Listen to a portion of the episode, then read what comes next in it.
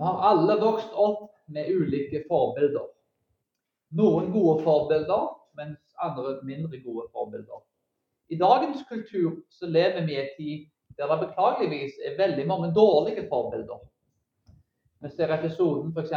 med Facebook og Instagram, der Facebook selv hadde gjort masse forskning som viste at unge jenter som satt veldig mye på Instagram, sammenligna seg i stor grad med andre og fikk mye angst, mentale problemer og andre ting. Det lå en haug med forskning bak disse tingene. Men allikevel da, så valgte Facebook å, å, dekke over dette og ikke ta det på alvor og forandre på ting for å forbedre den mentale helsa til folk. Og Det er åpenbart at det var pengene som styrte dette. Men det er sånn at når jeg går på nett, så finner jeg mange dårlige forbilder. Og Det samme gjelder ellers i samfunnet. Vi ser mange kjente skuespillere, det kan være sportsstjerner og andre. Beklageligvis er ikke dette folk som lever under korsets visdom. Det er noen heldigvis som er gode forbilder, men det er vel ofte et unntak heller enn en regel. Det er en interessant ting å tenke over i norske klasser f.eks. Hvor mange tror du hadde sagt ja, mitt største forbilde er Jesus og Paulus? Jeg går vel ut ifra at det hadde vært noe som hadde kanskje vært flaut i fall å sagt offentlig. Og Dette med tanke på at Jesus er jo et godt forbilde, uavhengig av om en er kristen eller ei. Jeg tror de fleste vil kunne innrømme det. Men allikevel er det helt andre forbilder og eksempler og idoler som, som folk ville nevnt enn Jesus. Til tross for det sikkert er noen som ville nevnt ham. I dagens tekst blir spørsmålet stilt hvem skal vi imitere? Og hvorfor er det sånn at Paulus er et forbilde som er verdt å imitere? Hva er et dårlig menneskelig forbilde? Og hvem bør en følge? Og hva er, altså, hva er løsningen på at vi bor i en kultur med mange dårlige forbilder? Det er tre ting som jeg vil se på i teksten som er med påpeker disse viktige sannhetene. Det første er Paulus er vår Far Herre i Jesus Kristus. Nummer to Paulus og Jesus sine veier må undervises i alle kirkene. Og nummer tre Paulus viser ikke arroganse og snakk, men han viser Guds kraft og Guds kjærlighet. Vi begynner med den første tingen først. Paulus var vår åndelige far i vår Herre Jesus Kristus. Vers 14-16. Vers 14 så står det Jeg skriver ikke dette for å gjøre dere skamfulle, men for å formane dere som mine kjære barn. Paulus skriver altså disse tingene ikke for å føre skam på dem, men for å oppmuntre dem. Filosofer i denne kulturen pleide å oppmuntre folk. De pleide å si positive ting. Og Paulus vil oppmuntre sine åndelige barn og si positive ting.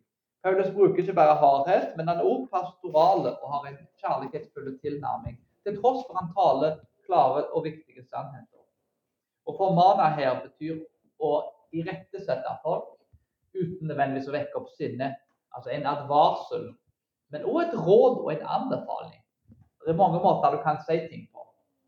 Korinterne hadde det problemet at de var stolte og hadde bombastiske ideer og sleit også med seksuell synd. De måtte lære å gå ved siden av Paulus i korsets visdom og gi Paulus ære og, og, den troverdigheten som han fortjente pga. at han var en apostel. Med tanke på at han fikk ikke penger for det han gjorde. Han jobba med hendene. Han jobba gratis. I motsetning til mange andre visdomslærere og filosofer på den tida. Han ble ikke spesielt mektig og godt kjent i dette livet. Belønningen til Paulus var at han ble halshogd i Roma, satt i fengsel, skipsforlis, torturert. Så Paulus han levde et liv som var strikk i strid med, med det folk var vant til med fra filosofene. Det var ikke menneskelig anerkjennelse Paulus fikk. Han fikk akkurat det motsatte. Det var alltid et spørsmål om om vi vil være som Paulus. Og ja, har du lyst til å bli skipsforlitt, torturert, satt i fengsel, og ja, og til slutt altså, bli halvsolgt for det du tror på. Det er ikke et liv som mange folk egentlig hadde ønska å leve. Og, og, det er på en måte ikke et liv som en skal ønske å leve. Det er jo et resultat av å følge Jesus i noen sammenhenger. Og det er folk som opplever disse tingene i dag, bl.a. i Nigeria, der folk blir forfulgt for troen, og andre plasser. Men, men, vi kan lære mye av Paulus. og En av tingene vi kan lære, er at når en kritiserer folk, så er det viktig selvsagt, sånn som Paulus, å ha troverdighet. Paulus var en mann som levde ut disse tingene. Han var blitt forfulgt. Han gjennomgikk mange negative ting og hadde en troverdighet. Han kunne snakke sant, for han hadde opplevd disse tingene sjøl. Men han var også tydelig og kjærlighetsfull og sa ting på en fin måte. Han kritiserte ikke folk for å få folk til å skamme seg. Han kritiserte folk fordi han ville at folk skulle forbedres og forandre livet sitt og bli mer hellige. I vers 15-16 så står det For selv om dere skulle ha 10 000 læremestere i Kristus, så har dere ikke mange fedre. For jeg har avlet dere i Kristus Jesus med evangeliet. Jeg formaner dere altså, bli mine etterfølgere. En læremester er en som instruerer. En lærer er jo en referanse da, til en som underviser en og er ansvarlig for å undervise barn i etikk og blant andre ting. Filosofer og rabbier var rollemodeller da, som en skulle invitere og høre på. Det er en svært viktig ting å forstå at Paulus var en jøde. og Han vil at vi skal gå inn i den jødiske konteksten. Rabbineren var ikke en person som bare kunne masse ting. En kunnskapsrik mann som kunne undervise. Men han var òg en person som ofte levde sammen med disiplene. Hadde et personlig forhold til disiplene sine. Og det var en mann som du skulle imitere. Det var en mann som levde ut prinsippene sine. Hvis jøde, jødedommen kan bli beskrevet med én ting, så sier det at Judaism is the, the religion of deed. At Christianity is religion of creed. Åpenbart, du trenger jo både da, den rette tro og de rette gjerningene. Men, men jødedommen kan beskrives som en, som, en, religion da, der gjerningene, dette å leve ut det du tror, er en av de mest sentrale tingene. Og igjen, nå, nå er det ikke snakk om en, en lovisk tilnærming, at det blir rettferdiggjort av gjerninger, men at det skal gå ut i livet. Handlingene, det en tror skal komme ut i et handlingsmønster. Og Jødedommen er utrolig handlingsbasert. En rabbiner hadde ikke troverdighet hvis han bare snakket og ikke levde ut noen av tingene som han snakket om. Paulus, i motsetning til filosofene, jobba hardt, ble, forfulgt. Og han levde i tråd med den underviste, og dermed også hadde han troverdighet blant folket. Dagens utdannelse har forandret seg en del. For i dag har en kanskje sjeldnere et personlig forhold med professoren og læreren sin. Men i denne kulturen så er det en, en mye, et, et, nærmere personlig forhold. Og Det er interessant å se i forhold til dette å være en lærer. Ordet Tora da, betyr jo lov, instruksjon og undervisning. Når vi, tenker, når vi leser ordet lov i Det nye og det gamle testamentet, så må vi ikke tenke ja, en lov, dette har du lov til, dette har du ikke lov til. Vi må tenke som en instruction, law and teaching. Altså, det er en instruksjon, en lov og en undervisning. Det er ikke det samme som bare en ren lov. Eh, rotordet her for foreldre er morium, og for lærere er det more. Så du har morium, more og tora. Det er tre ord. altså Toraen er jo de fem mosebøkene.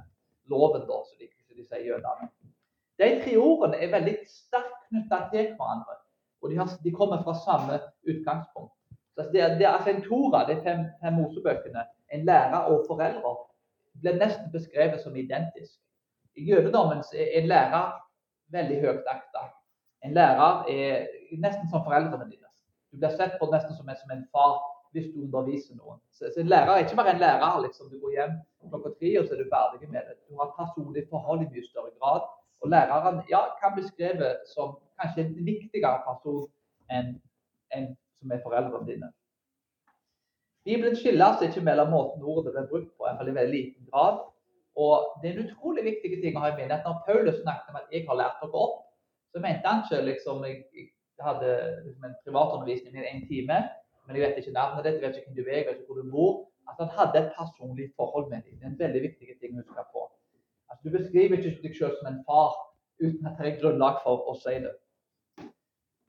Og I hebraisk og jødiske tenkninger så er det altså læreren som har den uhyre viktige rollen som nesten kan beskrives som foreldre. Og Det er denne tenkningen som ligger bak det Paulus holder på med, og det han sier.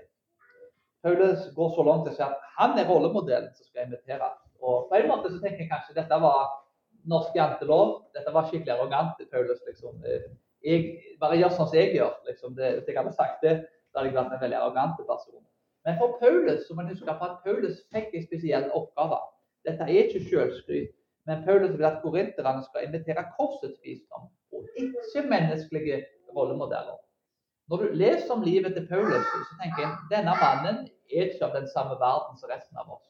Han lever et liv som de fleste ikke har ønsket å leve. En har ikke et ønske på ungene sine. Ja, bli som Paulus, bli skipsforlist, torturert og halshogget. Det er ikke den drømmen en har for sine egne barn når de vokser opp. Så Paulus er satt i en helt spesiell kategori, for han er et levende paradigme av evangeliet. Det var faktisk en leder en gang som sa det at en, en, en tjeneste, pastoren hans faktisk sa bare gjør sånn som jeg gjør. Preik sånn som jeg gjør, snakk sånn som jeg gjør. Gjør alle tingene som jeg gjør. Dette var en mann som ledet ei kirke med mange tusen stykker. Veldig kjente pastor. Han var veldig overrasket over å høre det. liksom. Bare vær sånn som meg, da blir du perfekt pastor. Og I det tilfellet da, så mente han, han jeg kjenner, at det var en veldig arrogante ting å si for en pastor. Men igjen, hvis du har flere tusen stykker så, så følger deg, tjener masse penger og er blitt kjent, så er det veldig lett å, å bli arrogante. Det er så mye bedre for en pastor å heller henvise til Paulus. Ikke gjør sånn som meg, men gjør sånn som Paulus, og aller mest gjør sånn som Jesus. Igjen, Paulus kan si disse tingene, for han opplevde ikke noe spesielt stor suksess i dette livet. Han var en rollemodell, for han levde livet han forkynte, og til andre sitt gang, og ikke sitt eget. Han fikk ikke pengene, han fikk ikke statusen, og levde heller ikke fysisk sett et veldig komfortabelt liv. Han ofra sin personlige komfort for evangeliets skyld. Og Paulus var en mann som hadde romersk statsborgerskap, hadde høy utdannelse. Så han, han, hadde alle disse tingene, men han ga det opp. Han ga opp alt, kanskje til med familierelasjonene sine. Han, det, når han sa disse tingene, så var det en mann som hadde Uansett hvor mye lidelse du gikk gjennom, så hadde jeg helt sikkert at Paulus hadde det tøffere. Han hadde gjort mer for evangeliet.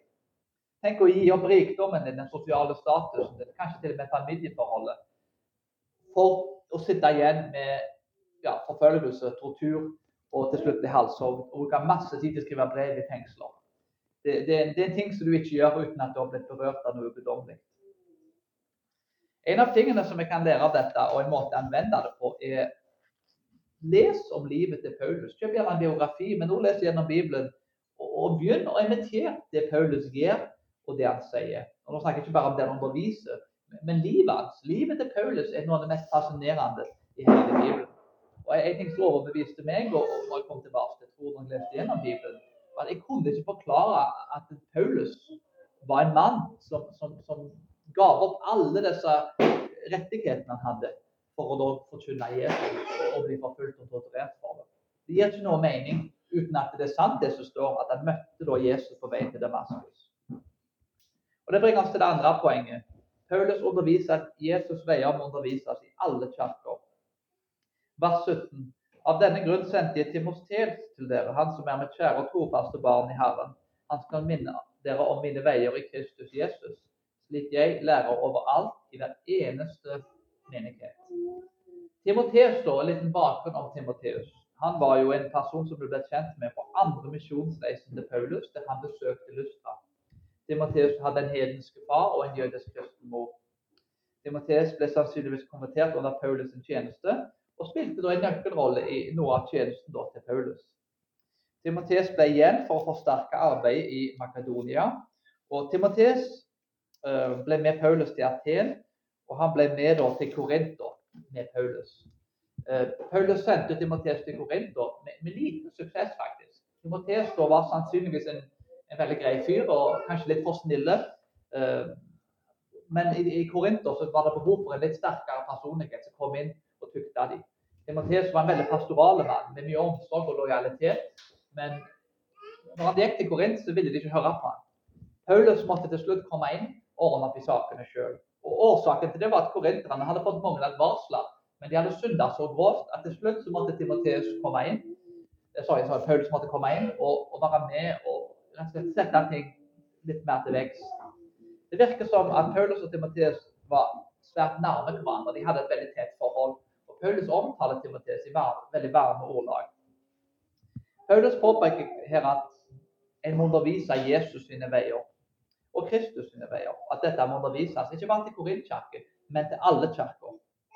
Korinterne hadde problemer med splittelse, og at de ikke fulgte korset til Jesus. Det var falske apostler som elsker menneskelige visdomslærere, Og folk da, med veldig menneskefokus som fikk mye oppmerksomhet.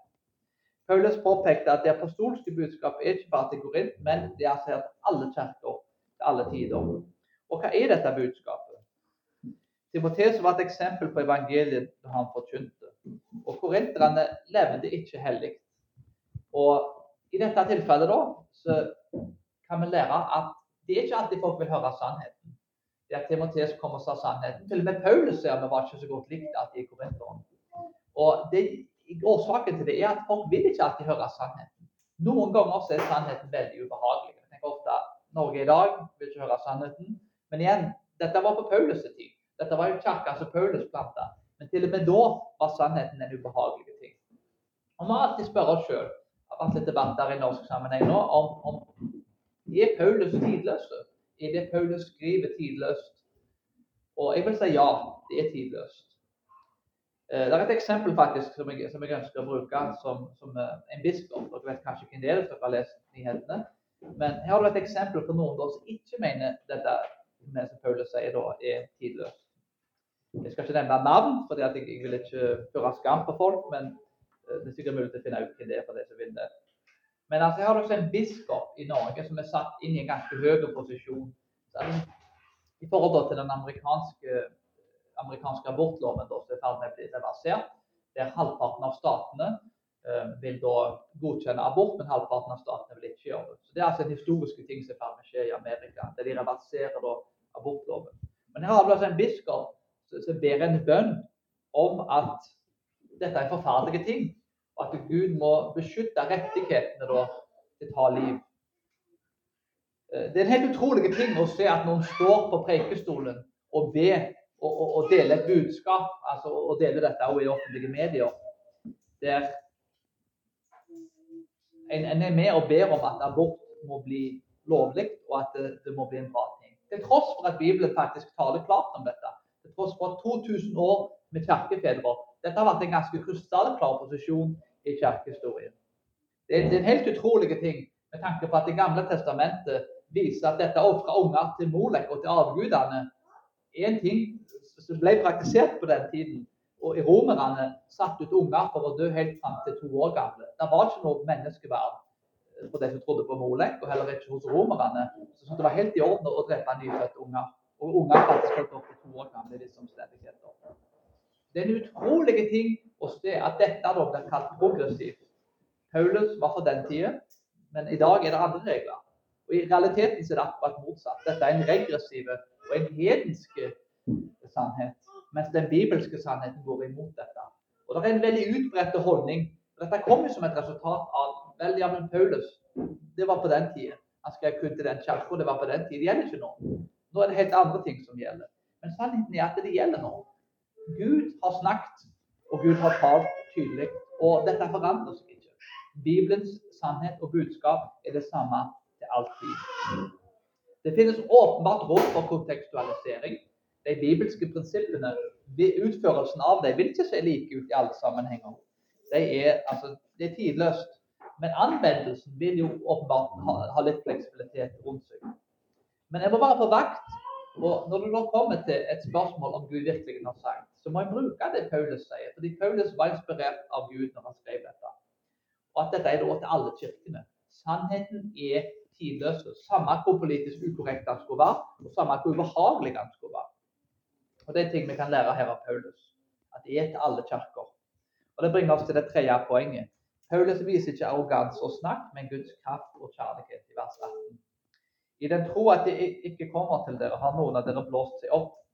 Vi vet at korinterne prøvde å undergrave Paulus' autoritet og si at Paulus var en ustabil kar, og tjenesten hans var verdiløs. Disse folkene var oppblåste, og de var anti-Paulus. Hvorfor hadde folk problemer med Paulus? Fordi han forkynte ikke et kjødelig budskap. Han kunne kommet inn i korinterne og sagt ja, men dere er en fin gjeng. Dere lever i kjødet, men det er helt i orden. Helt fantastisk. Og han sikkert fått en klapp på skuldra. Sikkert blitt godt likt blant en del folk. Men Paulus var ikke opptatt av å bli godt likt. Han var opptatt av å formidle det som var sant. Og det, Guds evangelium og korsets visdom er ubehagelig. Det er ubehagelig for meg noen ganger. Det er ubehagelig for, for kirker. Og det er åpenbart til og med ubehagelig for biskoper. Dårlig teologi leder til dårlig praksis. Når vi avviser Guds sannhet, så får det konsekvenser. Korinterne vil ha mindre kors, mindre Jesus, sånn at de kunne rettferdiggjøre sine ugudelige gjerninger. Jeg har gått gjennom disse kapitlene, og en ting som kommer igjen og igjen og igjen Hvorfor avviser folk sannheten? Fordi de vil rettferdiggjøre sine egne moralske valg.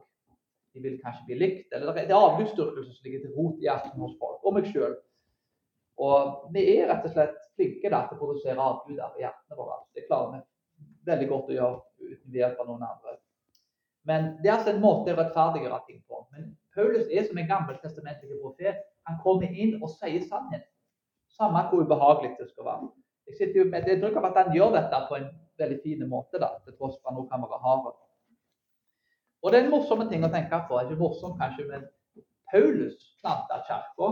Paulus var en apostel av Gud. Og vi tenker Paulus han har en stor stjerne i vår bok. Men Paulus var mislikt av en del folk i sin egen kirke som har planta. Det, det, er virkelig en tankevekkende ting for meg når jeg så på den teksten. Tenk at Paulus ikke var likt av alle. Folk som blåste seg opp og var imot Paulus.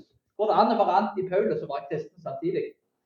Eh, det er fascinerende å tenke på. Men, men, men igjen, hvis Paulus ikke var likt av alle, så bør heller ikke vi forvente av alle. Vers 19 så står det men de skal snart komme til dere om Herren vil. Og da er det ikke bare ordene de skal lære å kjenne hos disse oppblåste menneskene, men kraften. Paulus har lært å bli kjent med Den hellige ånds kraft. Og han opererer i Guds kraft, ikke i menneskelig visdom. Han truer de arrogante folkene fordi han stoler på åndens kraft i forkynnelsen sin. Paulus forkynner på en måte som er så i strid med den menneskelige, syndige og kjødelige måten han tenker på, at folk syns det er ubehagelig. En gruppe i Korint ville ha en glatte forkynner som ikke forkynte sånn som Paulus gjorde. En person som kommer og bekrefter at lev ditt beste liv nå. Du er perfekt sånn som du er. Du er en veldig flott gjeng og, og alt dette her. Du er med å bekrefte en syndig tilværelse og synden i mennesker. Mens en god predikant tenker jeg, må alltid utfordre folk. En må alltid sitte igjen med ubehag etter en preken. Men samtidig som en vet at ja, men det er jo frelse for disse tingene. Ja, takk og pris for at jeg er en synder, og at jeg er frelst i Kristus. Og Paulus utfordrer folk, og derfor så ble han mislikt.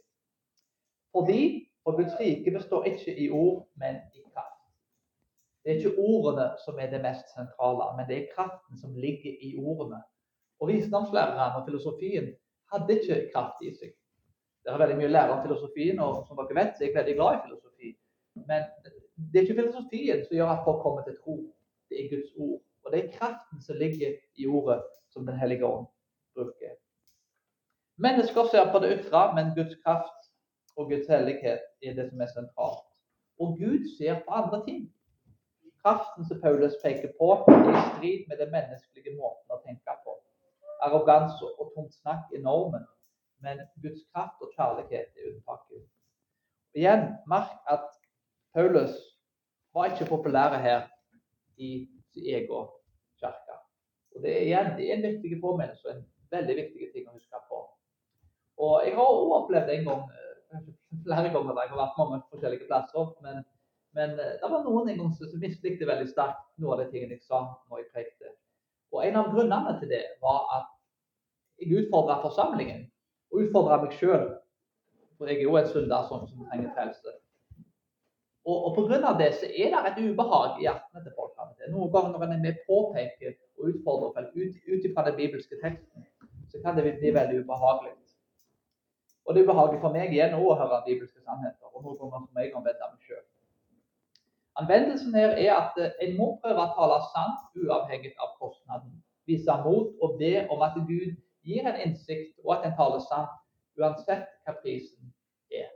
det betyr ikke nødvendigvis at jeg skal gå inn og, og brenne ned alle bruer. Martin Luther var en person som sannsynligvis snakket litt for mye sant, og hadde kanskje litt for lite kjærlighet i noen sammenhenger.